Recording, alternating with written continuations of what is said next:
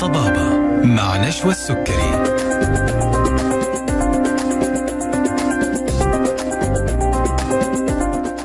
بسم الله الرحمن الرحيم. السلام عليكم ورحمة الله وبركاته. تحية طيبة لكم مستمعينا وأهلا وسهلا فيكم في برنامج طبابة عبر أثير إذاعتكم ألف ألف أف أم الموجة السعودية. يسعدنا أن إحنا نكون معاكم في برنامج طبابة على الهواء مباشرة لمدة ساعة ابتداء من الآن وإلى الساعة 2 بعد الظهر وحوار طبي جديد مع أحدث المستجدات في مجال الطب والصحة. برنامج طبابة أعزائي المستمعين متخصص بطرح المواضيع الطبية من خلال استضافة مجموعة من الخبراء والمتخصصين في المجالات الطبية المختلفة اللي بيشاركونا خبراتهم وأبحاثهم وتجاربهم الشخصية. بإمكانكم الاستماع إلى البث المباشر لإذاعة ألف ألف FM ولجميع برامجنا على الراديو من خلال الموجة FM من جدة 101 الرياض 94 الدمام 107.5 مكة المكرمة 102.5 ومن المدينة المنورة 104.5 تقدروا كمان تسمعوا البث المباشر لإذاعتنا من خلال تحميل تطبيق ألف ألف FM أيا كان نوع جهازك Android أو iOS. هتلاقي التطبيق موجود في ال store. حمل التطبيق واسمعنا مباشرة أو تقدر تدخل على موقعنا على الإنترنت ألف ألف FM dot com وتسمعنا وتسمع البث المباشر يوميا وفي جميع الأوقات. إذا حابين تتواصلوا معنا أعزائي المستمعين تقدروا تتواصلوا من خلال جميع حساباتنا على السوشيال ميديا فيسبوك تويتر إنستغرام واليوتيوب أو تقدروا ترسلوا لنا على الواتساب 055 66 89 01 أو تتصلوا على رقم البرنامج 012 61 61 100 حلقة هذا اليوم وكل حلقات برنامج طبابة وجميع برامجنا هتلاقوها موجودة على اليوتيوب خلال 24 ساعة من بثها. تقدروا تسمعوا الحلقة أو تشاركوها أحد مهتم بموضوعها في حسابنا على اليوتيوب ألف ألف أف إم. موضوع حلقتنا اليوم عن تجميل الأسنان اللي أصبح في الفترة الأخيرة من أشكال الوجاهة الاجتماعية. يعني البعض ممكن يلجأ إلى تجميل الأسنان فقط للمباهاة أو لتقليد الآخرين أو حتى التشبه بالمشاهير. لذلك ربما يطلب بعض الأشخاص تقنيات معينة في تجميل الأسنان وهو لا يحتاج لها فعليا. وقد تكون أسنانه بالفعل أبدا لا تتطلب سوى إجراءات بسيطة للغاية تمكنه من الحصول على أسنان جميلة وطبيعية دون الحاجة إلى استخدام تقنيات عالية هو في غنى عنها ما هي أبسط الطرق لتجميل الأسنان؟ كيف يمكن الحصول على أسنان جميلة وطبيعية بشكل طبيعي وبمظهر جميل بتكلفة معقولة؟ هذا هو موضوع حلقتنا اليوم أعزائي المستمعين اللي هنناقشه مع ضيفتنا موضوعنا اليوم أبسط الطرق لتجميل الأسنان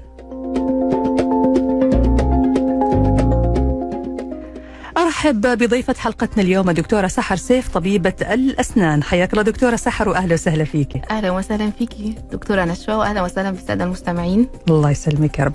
طيب دكتورة إحنا موضوعنا اليوم عن أبسط الطرق لتجميل الأسنان. إيش يعني أبسط الطرق لتجميل الأسنان؟ آه، موضوعنا النهارده آه، عايزين نوصل للساده المستمعين إزاي أوصل لابتسامة مثالية في أقل وقت وأقل مجهود وبأبسط طرق ممكنة. نعم. دون الحاجة للدخول لتكلفة عالية أو إجراءات طبية باهظة. ممتاز. آه، أوقات بيكون الحل بسيط جدا إن أوصل لابتسامة رائعة ويكون المريض راضي عنها تماما. فالمهم من هنا إن أنا أتكلم عن التشخيص الصحيح. فابدأ أتكلم عن أول حاجة بتقابلني في العيادة أو الحالات الشائعة اللي بشوفها. بنسبة 90% يوميا تقريبا يعني يوميا أنا بشوفها بيجي لي المريض متضايق جدا من شكل أسنانه. آه ومنزعج تماما. آه ببدأ أتكلم معاه ويقول لي يا دكتور أنا عندي آه، بقع سوداء على أسناني أنا عندي طبقات صفراء ناشفة على أسناني مهما غسلت أسناني ما بتروحش. تمام. طيب الحالة دي بتبقى عبارة عن تصبغات على الأسنان تمام وتراكم جير. الحقيقة بيكون شكلها مش لطيف على الأسنان. آه في طبعا ليها أسباب كتير جدا أنا لازم أتكلم عنها وأفهم العيان. آه، أولها طبعا الأكل والشرب الشرب مثلا زي القهوة البيبسي الشاي. كل ده بيسبب تصبغات على الأسنان. الأس... اللي هي المشروبات الغامقة أو اللي فيها ال- لون أسود يعني. آه طبعا آه. مم. وطبعا آه، حاجة مهمة جدا بقى ومشائعة التدخين. أكيد. التدخين ده بيلونها تماما. آه، تالت حاجة مهمة هو إهمال غسيل الأسنان. نعم. أو غسيل الأسنان بشكل خاطئ. فمن النقطة دي أنا حابة أوضح للسادة المستمعين إن مش إن أنا عشان أغسل أسناني خلاص كده أنا ضمنت إن أسناني بقت perfect وما فيهاش أي جير وما فيهاش أي تصبغات. لأ اسأل دكتورك دايما إزاي أغسلها. تمام؟ هيبدأ يشرح لك الطريقة المناسبة. نعم. طبعا أنا عندي الطريقة الصحيحة لغسيل الأسنان إن أنا لازم أغسل كل فك على حدة.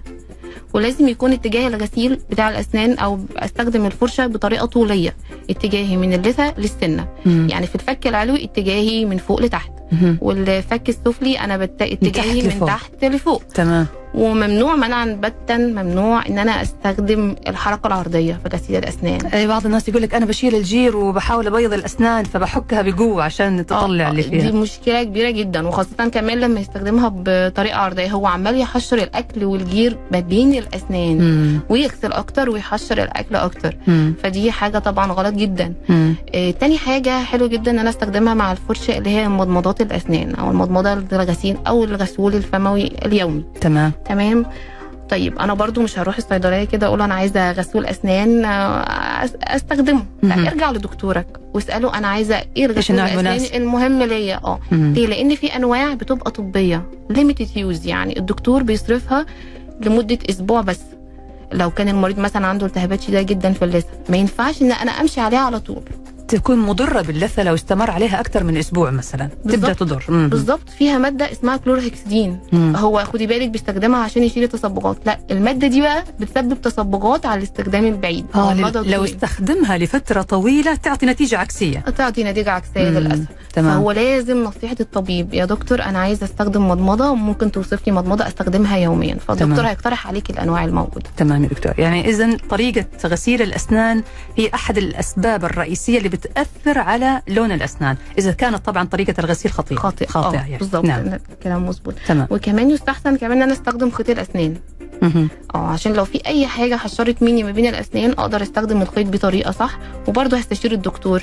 أو يعني لو أنا حابب مثلا أعرف الطريقة ممكن أبحث على اليوتيوب هلاقي فيديوهات كتير قوي يعني شارحه طريقه استخدام خيط الأسنان. نعم. في دكتورة كمان الخيط المائي اللي هي الأجهزة دي اللي بتعمل الماء بقوة. الخيط المائي لطيف جدا يعتبر برضو حاجة جديدة. آه برضو بيستخدم في مش لازم مثلا ما استخدموش في اليوم خمس مرات ست مرات لا هو مرة كفاية جدا هستخدمه هو بيشتغل بتقنية اندفاع المية.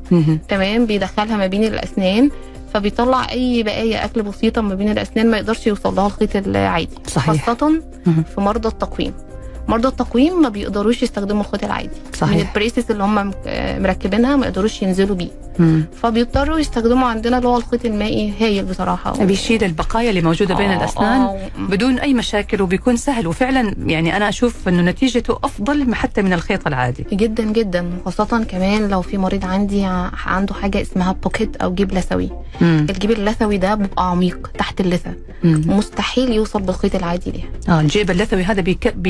بكتيريا وبقايا. جوا نفس بقايا. الجيب بالظبط. هو عمال يدخل أكل أكل أكل وما هو مش بيحس بيه المريض غير بعد بقى ما بتلتهب اللثة بتعمل رائحة آه هو يفضل بقى يستخدم الخيط العادي ويدخل أكتر وبيعمل بيستخدم بطريقة aggressive. هيأذي اللثة أكتر مم.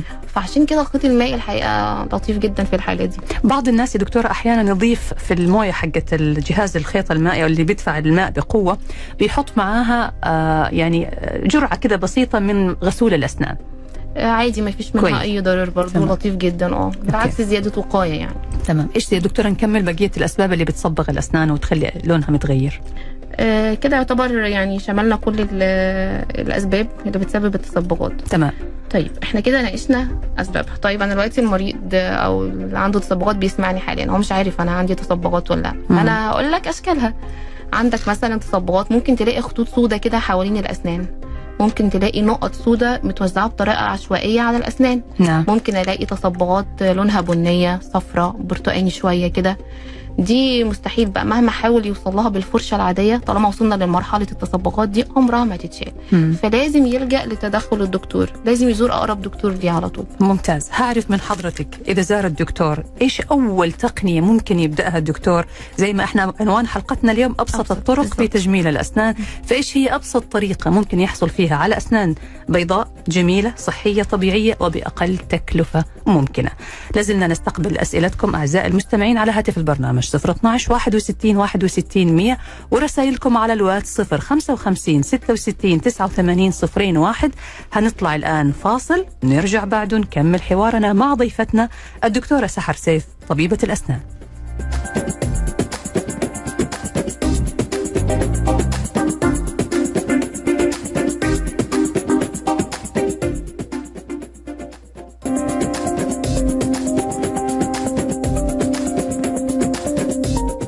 حياكم الله من جديد مستمعينا الأعزاء وأهلا وسهلا فيكم مرة ثانية في طبابة على ألف ألف FM ومع ضيفة حلقتنا الدكتورة سحر سيف طبيبة الأسنان وموضوعنا اليوم عن أبسط الطرق لتجميل الأسنان ونقصد فعلا أبسط الطرق من حيث التقنيات من حيث التكلفة من حيث عدد الجلسات من حيث كل شيء. أحييك دكتورة سحر مرة ثانية أهلا وسهلا فيك. فيك. طبعا لازلنا نستقبل أسئلتكم أعزائي المستمعين على واتس البرنامج 055 66 89 01 وإذا حابين تتصلوا علينا بإمكانكم الاتصال على الهاتف 012 61 61 100 طيب أرجع لك يا دكتورة سحر إحنا الآن قلنا إنه في حالة من التصبغات اللي بتكون عنيدة وشديدة هذه صعب إنها يعني آه، تروح بالطرق البسيطة من بتفريش الأسنان. فالحين يجي دور طبيب الأسنان ويجي دور اختيار أبسط طريقة ممكن يبيض أو ممكن يجمل فيها الأسنان عند المريض. تمام. مبدئيا كده المريض دخل العيادة. مم. هبدأ أتكلم معاه وأشوف إيه ال habits اللي بيقوم بيها في حياته. كيف عادات وسلوكيات بالظبط هبدأ أعرف ال- إيه المشاكل اللي وصلته إنه يقابل التصبغات. أو يقابل مشكلة الجير. تمام. تمام؟ خلاص إحنا اتفقنا وعرفنا السبب. هنبدأ نتناقش فيه عشان أهم حاجة إن أنا أزيل السبب بعد كده. هو عمل التنظيف وما عادش عنده جير بس استمر على نفس ال habits. هيرجع له نفس الحاجة. أكيد. فإحنا عايزين نقضي على المشكلة إن شاء الله على طول يعني. نعم. تمام؟ مبدئيا بالنسبة للجير لازم أزور الدكتور كل ست شهور. يعني الزيارة الدورية أنا ما استناش لحد ما يحصل لي تصبغات واستنى يحصل لي تكلسات جيرية ولون أصفر على الاسنان لا زور الدكتور عادي. في البداية بتبقى الموضوع سهل جدا. تمام؟ هو يدخل لنا المريض هنستخدم جهاز شبه الحديد كده بيمشي على التكلسات الجيرية عن طريق الاهتزازات بيوقعها على طول. تمام. تمام؟ بالنسبة للتصبغات عبارة عن برش بستخدمها فرشة عادية نفس زي الموتور كده بدواره بتلف. وبحط له زي معجون شبه السكراب كده. تعمل سكراب بسيط كده. بيقدر يشيل مع اهتزاز. الفرشة يقدر يشيل الطبقة الخارجية اللي فيها تصبغات. عايزة أقول لك بس ما تدمر أو ما تأثر أو تضر الأسنان خالص خالص تاثيرها ولا أي حاجة خالص تمام. بيشتغل على الصبغات الخارجية ملوش علاقة ببنية السنة خالص تمام يا دكتور بعد الجلسة دي بتاخد مننا ربع ساعة ثلث ساعة ساعات فعليا المريض مش بيبقى مصدق. أنا مم. أنا إزاي وصلت للنتيجة دي؟ هو معقوله الحل سهل كده؟ لا طب أنا هاجي بقى على طول أعمل خلاص اقتنع أخيرا. اقتنع بقى خلاص. ما كانش مدرك إن الموضوع سهل كده. هو جاي متأزم جدا. مم. وفكره تجميل الاسنان في دماغه. إيه ده؟ يعني جلسات كتير. فلوس أيوه كتير أيوة. لا لا طب أنا مش رايح لما أظبط لا وغير كذا كمان فكرة تجميل الأسنان عند بعض الناس إنه أنا ألصق عدسات الفينير على طول آه. أروح ألصق عدسات عشان أشيل ال- اللون هذا موجود. العدسات دي إحنا مش بنوصلها غير بعد ما بنعدي كل مراحل التجميل البسيطة اللي في إيدينا هنوصل لها في ونوصل لها آخر في الآخر خالص أيوة. خالص طيب نكمل يا دكتور تمام أوقات طبعا بعد ما بخلص جلسة التنظيف والتلميع ألاقي تصبغات عندي ما طلعتش آه،. موجودة في طبقات في اعمق الطبقات الداخلية في السن بقى. هبدأ أشرح للعيان إن عندنا تقنية تانية اسمها التبييض بالليزر. تمام. مشهورة قوي. أي معروف. وكل الناس دلوقتي بتتكلم عنها. طيب آه عندنا في عيادات سابة بقى. آه الميزة فينا إن إحنا طبعا أول ما بينزل جهاز أو أحدث جهاز في السوق بيكون عندنا على طول. حلو. فإحنا بنعمل تبييض الأسنان بالليزر بتقنية ال Zoom الأمريكي. تمام دي تقنية أثبتت فعاليتها وكفاءتها جدا في تبييض الأسنان ال Zoom الأمريكي يعني تقصد اللي هو اللي بيسموه الوميض الازرق هذا ولا شيء ثاني مختلف؟ لا اسمه ال Zoom الأمريكي هو بيعتمد على الجه... ال light لونه أزرق الاضاءه لونها أزرق تمام. دي موجودة في أجهزة كتير نفس الفكرة ال light الأزرق مم. بس الفكرة نوع الجهاز ونوع المادة اللي أنا هحطها. وكفاءتها في تطور طبعا بيصير في التقنية وفي الأجهزة نفسها تطور رهيب جدا مم. يعني- طيب إيش بيعمل الزوم هذا يا دكتور الجهاز؟ آه الجهاز بتاع الزوم ده فعاليته هايلة جدا في التبييض وكمان في حاجة مهمة جدا إن هو تقريبا حدوث الحساسية بعد التبييض بتبقى تكاد تكون منعدمة. قبل. كده أي حد بيبيض أسنانه كان بيتعذب يعني أنا عندي حساسية أنا تعبان أنا مش قادر. دلوقتي مع كفاءة المواد وكل شوية يحصل لها ابديت الحساسية دي خلاص تكاد تكون خلاص ما عادتش موجودة خاصة بالجهاز الحديث اللي إحنا بنستخدمه ده. تمام تمام. آه، فكرة الجهاز ده بيعتمد إن أنا بحط حاجة زي جل شفافة كده على الأسنان. آه، فيها مادة اسمها hydrogen peroxide. بتطلع اكسجين. بيمسك في ال layer بتاعت التصبغات وبيفتتها. تمام. تمام؟ خطوات بقى التبييض بالليزر لما يجي المريض عايز آه يعمل تبييض. أول حاجة مبدئيا دي حاجة لا شك فيها إن إحنا بنشيل له كل الجير الأول. تمام. آه لازم نعمله تنظيف آه كويس جدا وعميق للجير. آه تاني حاجة لازم نعزل الفم تماما واللسان. وأي نسيج من الوجه هيتعرض للضوء لازم نعزله. تمام. أي نسيج هيقابله الضوء الأزرق لازم ما يكونش direct ليه يعني متعرض مباشر ليه في يعني خطر أو ضرر عليه بعمل زي irritation حرقان كده في, آه،. في الأنسجة حتى مم. اللسان شفايف آه، فلازم تعزلوا كل الفم فيما عدا آه. بس منطقة الأسنان هي اللي تكون معرضة. كل الحاجات بتاعة العزل وأدواتها بتبقى موجودة في kit التبييض يعني كل تمام. حاجة بتبقى متوفرة نعم آه كمان غير إن إحنا كمان لازم نعزل الأسنان بشكل جيد جدا آه، ال- نعزل اللثة sorry اللثة اللثة نفسها. لازم مم. نعزل اللثة أكيد برضه. بتتأثر بال... بالليزر هذا أو بالشعاع هذا آه طبعا طبعا. مم. اللثه ما هي كلها يعني soft tissue أنسجة كلها طرية جدا مم. فما بتستحملش القوة بتاعه ال- الإضاءة. تمام. تالت حاجة بنبدأ ندهن الجل بقى على الأسنان. نكون منشفينها الأول جدا وبعد كده ندهن الجل كويس المسؤول عن تبييض الأسنان. وبنعرض الضوء بتاع الجهاز بنثبته على فم المريض حوالي 45 دقيقة. بعد ال 45 دقيقة ده إحنا بن... لما بنيجي بقى نشيل الجل ونشيل كل الحاجات اللي إحنا حطيناها بن... يعني بنتفاجئ بنتائج هايلة جدا. تمام آه، بنلاقي الأسنان فرقت درجة التبييض اللي إحنا عايزين نوصل لها بنوصل لها وبتبقى كافية جدا جدا للمريض وراضي عنها تماما. بس دكتورة الأسنان اللي يكون فيها تسوس هل ممكن ينعمل لها لا لا طبعا. لا. لا بنبدأ الأول بعلاج التسوس. مم. وهندخل في النقطة دي دلوقتي وهشرح إزاي بنعالج السوس تمام. إزاي بنعالجه أصلا بالحشوات التجميلية. تمام. كل ده بيكمل بعض. إحنا بنتكلم في التبييض لما يكون المريض أسنانه ايديال ما فيهاش أي مشاكل دلوقتي. ممتاز. جاست إن هو عنده تصبغات. إحنا عايزين بس نشيلها أو نزيلها. في آخر الجلسة بتاعة التبييض كمان يا جماعة هو إحنا قلنا إن ال- ال- الزوم أو الجهاز ده نسبة الحساسية الناتجة عنه بتبقى ضعيفة جدا. بس إحنا مش بنسيب احتمالات ولو حتى واحد في المية تحصل لمريض. فبندهن له جل كده بيعمل آه، بيعالج الأسنان لو حصل فيها أي حساسية. 10 دقايق بس بيدهن على الأسنان. يلطف بيلطف آه وبيحمي المريض تماما 100% بيمشي زي الفل. كأنه ما جاش عمل تبييض ولا أي. حاجة بتوجعه خالص. طيب بعد نتيجة الجلسة دي يا دكتور أنا أعرف إنه التبييض بالليزر لازم بعده في احتياطات مهمة تمام. جدا وإلا خربنا النتيجة اللي عملناها. دي حقيقة. أنا أيوة. دلوقتي قمت بدوري.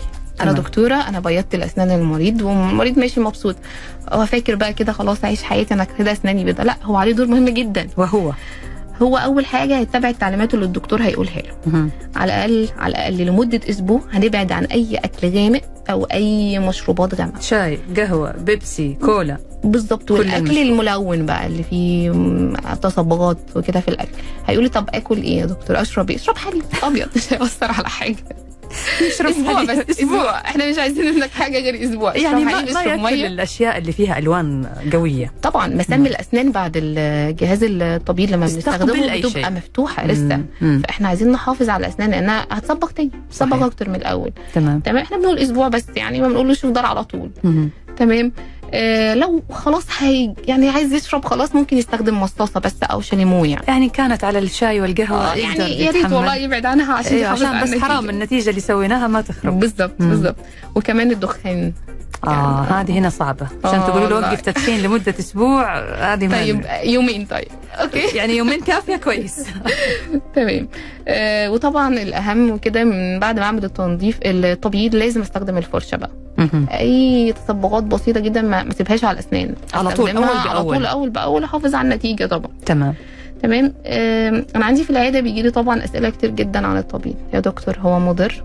لا يا جماعة هو مش مضر خالص طالما معمول تحت إشراف طبي كامل. مم. طب بيسبب حساسية؟ لا. المواد الجديدة طلعت يعني ب- أثبتت كفاءيتها إن هي تبقى إن شاء الله مش هتسبب أي حساسية. كل حاجة باستمرار بيحصل لها تحسين أو ابديل للمواد. تمام. دي كلها معلومات قديمة يعني. مم. حد بيقول لحد حد بيقول لحد. ما حدش يعني شاف تجربة صحيحة يعني. مم. طب بتعمل آه، يا دكتورة هو فعال فعلا أو لأ؟ هو فعال. بس بمساعدتي في الأول ومساعدتك أنت بعد كده. وبعد كده تكمل أنت على الحفاظ على. كده. يعني عايز تحافظ أكتر ابعد أكتر عن الحاجات اللي فيها كلها ألوان. ممتاز يا دكتورة. حلقتنا مستمرة معك دكتورة سحر سيف طبيبة الأسنان وموضوعنا اليوم عن أبسط الطرق لتجميل الأسنان. هنطلع فاصل قصير نرجع بعد ونكمل حوارنا. لازلنا نستقبل أسئلتكم واستفساراتكم على واتس البرنامج 055 66 89 صفرين واحد وفاصل وراجعين.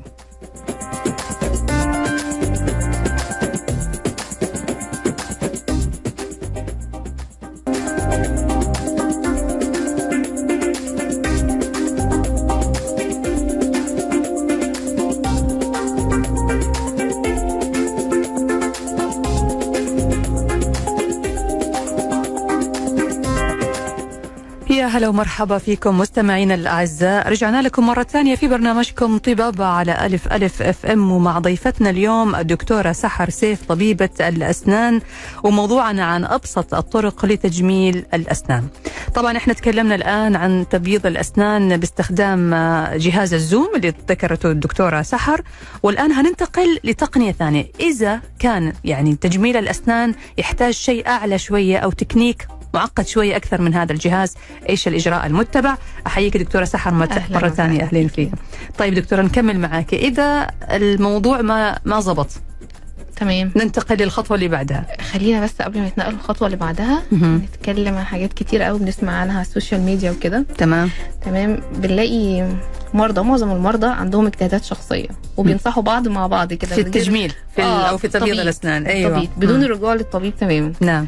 حد يقول لك أحط فحم وادعك بيه أسناني؟ شفتها. انت بتعمل مهزلة خالص في اسناني دي شفتها حد كثير يحط بيكربونات الصوديوم حد يحط hydrogen peroxide مضمضة يتمضمض بيها. مم. مع نفسه كده بدون الرجوع للدكتور. إيه، الحاجات دي خطر جدا لأنها بتشتغل على الأسنان حاجة chemical. عمالة تاكل في الأسنان في الطبقة السطحية بتاعه السن طبقة مم. المينا. طبقة المينا دي الأشياء اللي هو بيستخدمها ال chemical دي بتدوبها تماما. مع مرور الوقت هو بيفرح في النتيجة في الأول على فكرة. مم. تمام؟ لكن بعد كده بتتقلب عكس. لما تاكل طبقة المينا تماما طبقة المينا دي المسؤول عن حماية الأسنان من التسوس المسؤول عن حماية الأسنان من الحساسية وبعد ما بتتاكل بيظهر طبقة العاج طبقة آه، ال dentine. أنت كده شلت الحماية بالضبط. السن وبالتالي صار السن معرض أكثر للتسوس. فأنت بيضت شوية بس دخلت مش بس كده هو مش مم. بيض ده هو لما ظهر العاج العاج ده لونها orange آه okay. سنانه قلبت خالص. اللون تغير كمان. اتغير لونه اتغير. برتقالي صار. وده كمان هنتكلم عن معجون الأسنان الطبي هي اتعملت برضو تحت إشراف طبي. دكتور اللي يوجهك مش استخدمها كل يوم كل يوم كل يوم. لا طبعا يا جماعة أي حاجة معجون أي شيء أسأل دكتوري. مم. آخد منه نصيحة. تمام يا دكتورة. طيب هذه بالنسبة للاجتهادات الشخصية. بالظبط طيب دكتورة بالنسبة للقوالب اللي بيتم شرائها آه، أو المواد اللي بتشترى من المواقع حقت ال social media ومواقع الإنترنت اللي هي تحط كذا مادة وتترك شوية وبعدين على يقول لك علشان تبيض الأسنان إيش رأيك فيها؟ نفس الفكرة يا جماعة. نفس أي الشيء. حاجة بره دكتور الأسنان إحنا عشان نعمل تبييض قد مم. إيه بعمل عزل للثه وقد إيه بعمل عزل للفم؟ تخيلي هو بيحط المادة دي كله على بعضه ماسكة اللثة ماسكة يعمل حرقان في اللثة. صحيح. إيه، يحطها لمدة طويلة تقلب معاه بحساسية عنيفة جدا في الأسنان. مم. زي ما اتفقنا إن هي استخدامها الكتير بيأكل طبقة ال enamel فدي لا أي حاجة تبييض من فضلك اتجه لدكتور الأسنان. تمام. طيب. تمام. إحنا دلوقتي وصلنا للتبييض. مم. طيب أنا لو ما لقيتش نتيجة كويسة أو باقي لي point صغيرة كده على الأسنان فيها تصبغات شديدة جدا. مم. هضطر أتدخل. أتدخل بحاجة اسمها الحشوات التجميلية. تمام. أو الحشوات الضوئية. أو حشوات الليزر. اللي هي إيش؟ نفس نفس الم- المسمى. نفس الفكرة. بيختلف. مم. نفس الفكرة. اللي هي ال composite. إيه، المادة دي آه، فيها درجات كتير جدا من الألوان عشان تناسب درجات أسناننا. تمام. الفكرة في الحشوات التجميلية أنا لما أعملها هي والسن يكونوا واحد. طبيعي. ما ما ما في فرق. مم. محدش يعرف أصلا أنا ده عامل حشوة هنا. تمام؟ خالص مفيش أي فرق. زمان كانت الحشوة ال composite بنستخدمها للأسنان الأمامية بس لأنها كانت ضعيفة شوية مع المضغ نعم دلوقتي طبعا الدنيا عمالة تتجدد وتتطور بقت أقوى حشوة حشوة ال composite فعلاً. قوية جدا مم. يعني ممكن تستخدم كمان للضروس الخلفية وتستخدم للضروس الخلفية مم. يعني ما فيش أي بني آدم حاطط حشوة composite معمولة حلو مم. أي حد يعرف يفرق تمام بتتنحت نفس شكل الأسنان بتترسم نفس البروز بتاعه الأسنان نفس درجة الأسنان مم. والمدى ال- يعني إنها بتعيش قد إيه بتعيش كتير يعني طول ما هي معمولة صح لأن التكنيك بتاعها محتاج صبر محتاج طولة بال شوية بتاخد وقت طويل في العيادة. بتعيش معاك بتعيش معاك على طول إن شاء الله تمام ما يبقاش. فيها أي مشاكل خالص وكمان خفيفة الحشوات. على الأسنان. ما تتحمل يعني عادي تتحملها الأسنان ما يحس إنه في شيء بالظبط وحاليا بيجينا ناس كتير جدا عندهم الحشوات البلاتينية القديمة دي. متضررين منها جدا ساعات بتعمل كمان تصبغات للأسنان بتخليها لونها gray شوية رصاصي صحيح. فبيجي يا دكتور هو ما عندوش قلم ولا حاجة شيلي لي كل الحشوات آه، يبغى اللون الأبيض الجميل هذا. بالظبط. بتفرق جدا جدا مع المريض يعني. وفي نفسيته تماما ببقى يعني واثقة قوي من الابتسامة أنا مش عايز أشوف أي لون إسود في أسناني. تمام. تمام. آه الحشوة دي قوتها في إيه أو سرها في إيه؟ إنها بتمسك في الأسنان chemical يعني. بتعمل pores صغننة كده في الأسنان بتدخل فيها فبتبقى هي والسنة block واحد. يعني مش mechanical يعني مش حاجة mech يعني معتمدة بس على شكل حفر معين في السن أو كده لأ. هي بتدخل جوه تكوين كنت الأسنان. لسه هسألك هذا السؤال لأنه حضرتك قلتي إنه الحشوات هذه ميزتها إنها بتجلس فترة طويلة. فكنت هقول لك بس دكتور أحيانا الحشوة تطيح. وهذا معناه إنه الحشوة ما تنفع إلا إذا كان المكان اللي موجود في الضرس مكان يعني أنا كنت أسمع زمان إنه طبيب الأسنان لازم يعمل تجويف كده عشان الحشوة تمسك من جوا زي الخطاف تصير. فهل معنى كده إنه الحشوة هذه ما تحتاج إنه الدكتور يحفر زيادة عشان يوجد لها base أو قاعدة أساسية تمسك فيها آه تمام دي سؤال آه، عبقري يعني الحقيقة شكرا. آه، الكلام اللي حضرتك بتحكي عنه ده كان زمان في حشوة البلاتين ال amalgam عشان هي بتمسك mechanical لازم نعمل لها تجويف معين 2 مللي طول 2 مللي عرض أيوه فبياخذ من حتى لو ما فيش. تسوس. بالضبط لا المادة ال composite دي ما يحتاج. يعني بتسمى بالعلاج التحفظي يعني بتحفظ جدا على قد الحشو الجزء اللي بشيله من الأسنان على قد السوسة حتى لو. point صغيرة أقل من ملي قد السوسة بشيلها. وأرجع أحط ال composite تاني بيمسك وبيبقى زي الفل جدا مفيش ممتاز أي. مشاكل فيه تمام تمام آه، طبعا بستخدمه في حالات التسوس الأسنان تمام؟ وحالات كسر الأسنان حد وقع سنته اتكسرت اكل. حاجة جامدة سنته اتكسرت خاصة الأسنان الأمامية بيبقى طيب لو الكسر يا دكتورة تم بشكل نصفي يعني تمام. يعني الضرس طاح منه جزء فعليا آه مو مو تجويف. يعني انت الآن هت- وكأنك بتلصقي جزء في الضرس. حقيقي. يمسك هذا. بيمسك وبقى مم. كويس جدا. ممتاز. ودي حالات على فكرة كثيرة طبعاً. كومن جدا مم. عندنا جاي وخاصة من أول 12 سنة بيلعبوا بيجروا سنته اللي قدام اتكسرت. مم. بتبقى جاية الأم فاكرة إن حياة الأسنان كده انتهت يعني مم. وجاية متضررة جدا. لا طبعا بالعكس بتخرج. إيه ده؟ أنا سنتي رجعت تاني. وكأنها رجعت. كأنها طبيعيه ما تفرقي فيه و... وفي إجراء يعني ما بياخدش ساعة. مم. أقل من كده وبيطلع. وتجلس سنوات وبتجلس سنوات جدا حلو طول ما. المريض محافظ عليها وبيتبع التعليمات برضو اللي بقول في برضو دور على المريض في كل حاجة أكيد, أكيد. مش مش بس ال- الطبيب هو المسؤول مسؤولية تامة لا الطبيب لازم يكون واعي إن أنا أعمل حشوة تجميلية أحافظ عليها إزاي وأهتم. بيها إزاي وطبعا تحت استشارة الطبيب برضو يسأل. تمام يا دكتور ننتقل للتقنيك التكنيك اللي بعده أو التقنية اللي بعده طيب قبل ما نتنقل بقى عايزه أضيف بس اتفضلي. طيب آه، في عندنا نوع تسوس بيجي نتيجة التنظيف ال- ال aggressive أو العنيف. أيوه. تسوس. أنا بقى يعني أنا عايزة أتكلم في النقطة دي لما عرفت إن أنا هكون مع حضرتك لأن بجد بشوفها يعني بتتكرر عندك في العيادة. قوي. والمريض يعني هو محافظ فعلا على أسنانه. هو عمال يغسل أسنانه بالعرض بنوع فرشة hard شوية ناشفة. من- آه، القاسيه دي. بالظبط. بلاقي التسوس ده متكرر على الأسنان بشكل هلالي تحت اللثة. وبلاقيه مكرر في كل سنة يعني مش بلاقيه في سنة واحدة لا ببص مم. أنا أول ما بشوف السنة ببص على الباقي بلاقي نفس ال pattern بتعرفي هذا إيش السبب أنت بتفرش أسنانك بالعرض يقول والله يا دكتور ما بسيب بصي. يعني بشغل بالفرشه على طول أقول له يعني أنت السبب في التسوس مم. ده أنا مش عايزة المريض اللي يكون عنده حاجة زي كده يتأزم تماما. هو. بيدخل لنا العيادة بيخرج بأسنانه سليمة 100% وقف الحركة دي وقف التفريش الخاطئ مش هترجع له تاني يبقى الأمور زي الفل. برضو ب...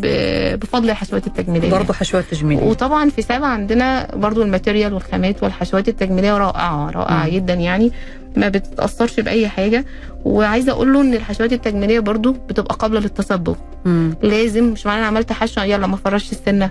فرش أسنانك كويس جدا وحافظ على الأسنان والحشوات. تمام. تمام.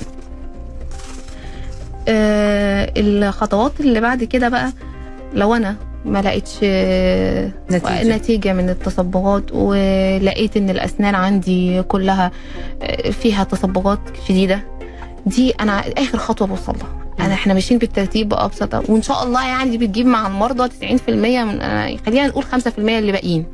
اللي فعلا أسنانهم فعلا محتاجة إن يتعمل لها تدخل بقى إجراء آه، عالي شوية حلو هنعرف التدخل هذا أو الإجراء العالي لكن بعد ما نطلع فاصل. قصير ونرجع بعد. نكمل okay. حوارنا لازلنا نستقبل أسئلتكم على الواتس 055 66 89 صفرين واحد واليوم معانا الدكتورة سحر سيف طبيبة الأسنان موضوعنا عن أبسط الطرق لتجميل الأسنان وفاصل وراجعين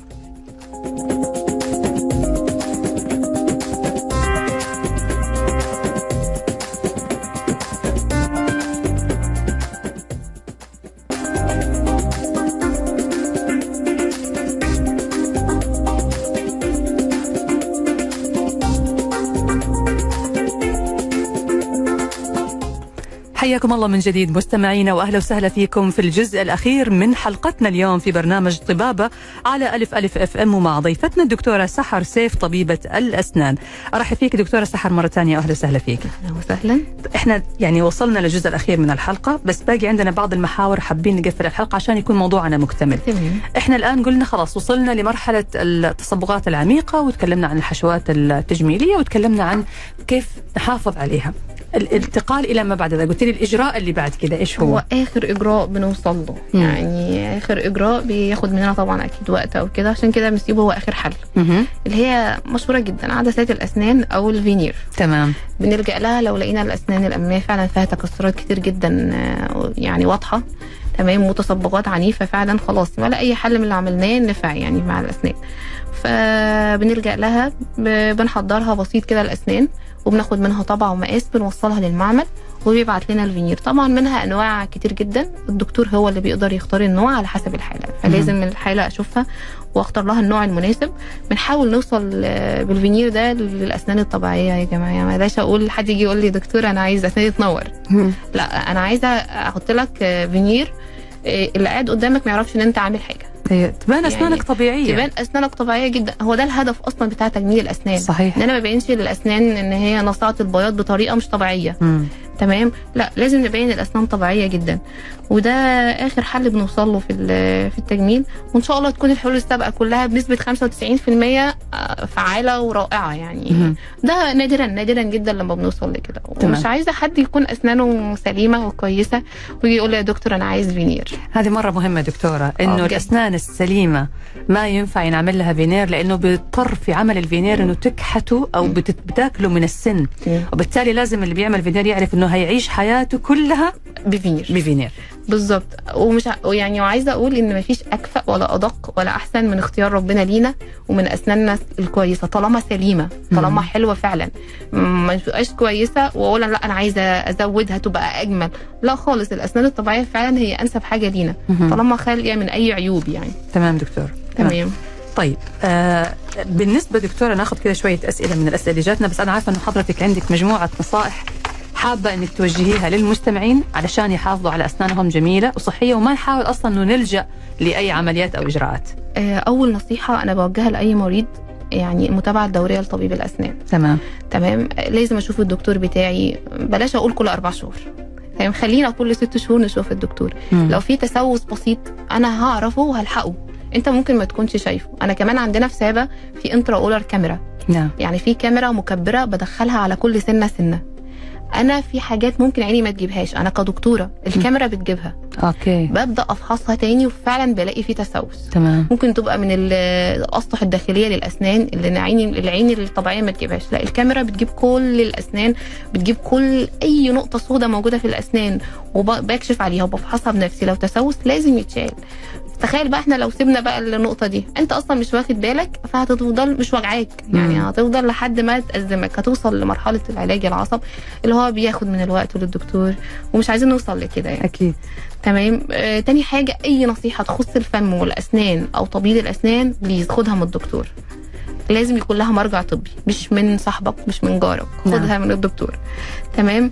آه آخر حاجة ما تستناش حدوث ألم زي ما قلنا. اتجه على طول على دكتور الأسنان وإن شاء الله يبقى كل الأمور بسيطة في أولها. بأمر الله تعالى. تمام. طيب هناخذ يا دكتورة بعض الأسئلة اللي جاتنا ناخذ أهم الأسئلة يعني آه عندنا السؤال يقول آه كيف يمكن آه ما هي التقنيات المتاحة لتجميل اللثة وكيف يمكن تحسين مظهرها؟ طبعا إحنا عايزين نتفق إن الابتسامة بتتكون من لثة. وأسنان. نعم. تمام؟ لو الأسنان خلاص جملناها بس لسه فيها مشكلة مثلا. طبعا الابتسامه مش هتكون كده كويسة لأن في جزء منها لسه ما ظبطناهوش يعني. أكيد. فهنبدأ الأول اللثه ساعات كتير أو الشكوى اللي غالبيه الناس بتجيلنا بيها إن هي فيها staining أو تصبغات لونها غامق. صح. ده بنشوفه أكتر مع المدخن بنلاقي حتى الشفايف عنده غامقة. واللثة عنده غامقة. أو برضو بسبب الأكل أو آه، أو اللي هو بشرتهم غامقة شوية بنلاقي برضو اللثة عندهم درجتها غامقة شوية. هو عايز اللثة بتاعته تبان مظهرها بينك يعني. فبنستخدم برضو تقنية بالليزر بتشيل آه، سطح الطبقة الخارجية بتاعت سطح اللثة. وبنسيبها تلتئم. أول ما بتلتئم بتكون طبقة لونها بينك طبقة صحية للثه ده إجراء برضو لطيف يعني ما بياخدش وقت من المريض ولا ألم إن شاء الله يعني. تمام دكتورة. طيب آه برضو دكتورة في سؤال يقول آه تكلمتم عن ال- التسوس اللي في الأسنان. آه يقول أنا عندي أسناني العلوية في المنطقة القريبة من اللثة. أغلب الأسنان في الجهة الأمامية يوجد فيها بالفعل لون غامق على شكل هلالي. فهل هذا يعتبر تسوس أم أنه تصبغات؟ وكيف يمكن علاجها؟ هل لابد من استخدام الحشوات التجميلية؟ هو احتمال كبير هنقول لأن هو وصف شكل التسوس إن هو هلالي احتمال كبير يبقى تسوس. بس أنا مش هقدر طبعا أقرر التشخيص غير لما أشوف بنفسي جوه العيادة وأفحص كويس بالكاميرا مم. وكمان بالأجهزة عندي أفحص ده تسوس أو تصبغ. إيه لو تسوس مفيش غنى عن الحشوات التجميلية للأسف. لازم أشيل الطبقة المصابة في الأسنان وأعوضها بالحشوات التجميلية. تمام يا دكتور. طيب في سؤال دكتورة يقول آه كان عندي حشوة في ضرسي وطاحت الحشوة وللأسف مكان الحشوة كبير جدا لكن للأسف منعتني ظروفي من التوجه لطبيب الأسنان لعمل حشوة أخرى أو لعلاج الأسنان. هل هناك مشكلة من الانتظار لفترة طويلة؟ لأنه أنا الآن لي أكثر من شهرين. لا طبعا يستحسن التوجه فورا لدكتور الأسنان. وأكيد الحشوة الكبيرة اللي واقعه دي أكيد أنت عامل في السنة دي حشوة عصب. تمام؟ حتى لو عامل حشوة عصب أنا مش خوفي على الحشوة اللي تحت أنا خوفي من التسوس هو عمال ياكل الطبقة لأن السنة مكشوفة. مم. السوس عمال ياكل. أنت ممكن تجي لي العياده بعد الانتظار الطويل ألاقي الجذور نفسها سوست. أوف. مش هقدر أتدخل مم. خالص غير بالخلع. مم. فبليز اتجه لأقرب عيادة. إن شاء الله يبقى لها حل. لو معمولة عصب هنعمل لك فيها دعامة وتركيبة. مم. وهتبقى زي الفل هتعيش معاك كتير جدا. لو مش معموله عصب هنبدأ نتخذ الإجراءات نبدأ بسحب العصب نعمل لك الدعامة التركيبة وإن شاء الله نشوف نتائج يعني. ليها حل. آه بس الانتظار للأسف بيبقى سيء. آه لسه لكن بنقول إن آه، لازم زيارة. زياره الدكتور على طول يعني. هذا إذا في حال ما في ألم وما في مشكلة فعلية لازم يكون في زيارة دورية. بالظبط. بالظبط. فلما يبقى في مشكلة ما استناش بليز يعني. إن شاء الله تتجه على أقرب دكتور. تمام يا دكتورة.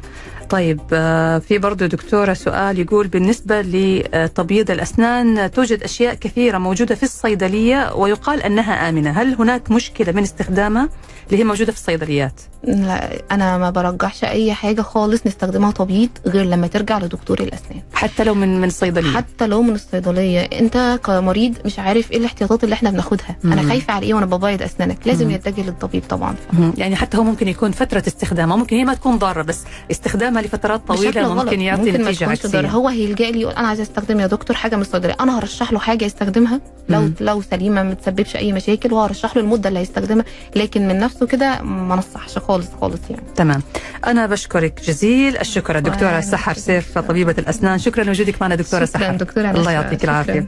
الشكر موصول لكم أنتم أيضا مستمعينا الأعزاء. نلقاكم على خير إن شاء الله. انتظرونا غدا حلقة جديدة من طبابة وموضوع جديد وضيف جديد من ضيوفنا اللي دائما بيشرفونا في البرنامج. طبعا إحنا معاكم في طبابة من الأحد إلى الخميس يوميا على الهواء مباشرة من الساعة واحدة إلى الساعة اثنين بعد الظهر. أما الآن أترككم مع الزميل عبد الله بحميشان وبرنامج مؤشرات. تقبلوا تحياتي أنا نشوى السكري ومخرج هذه الحلقة خالد القايدي في حفظ الله ورعايته.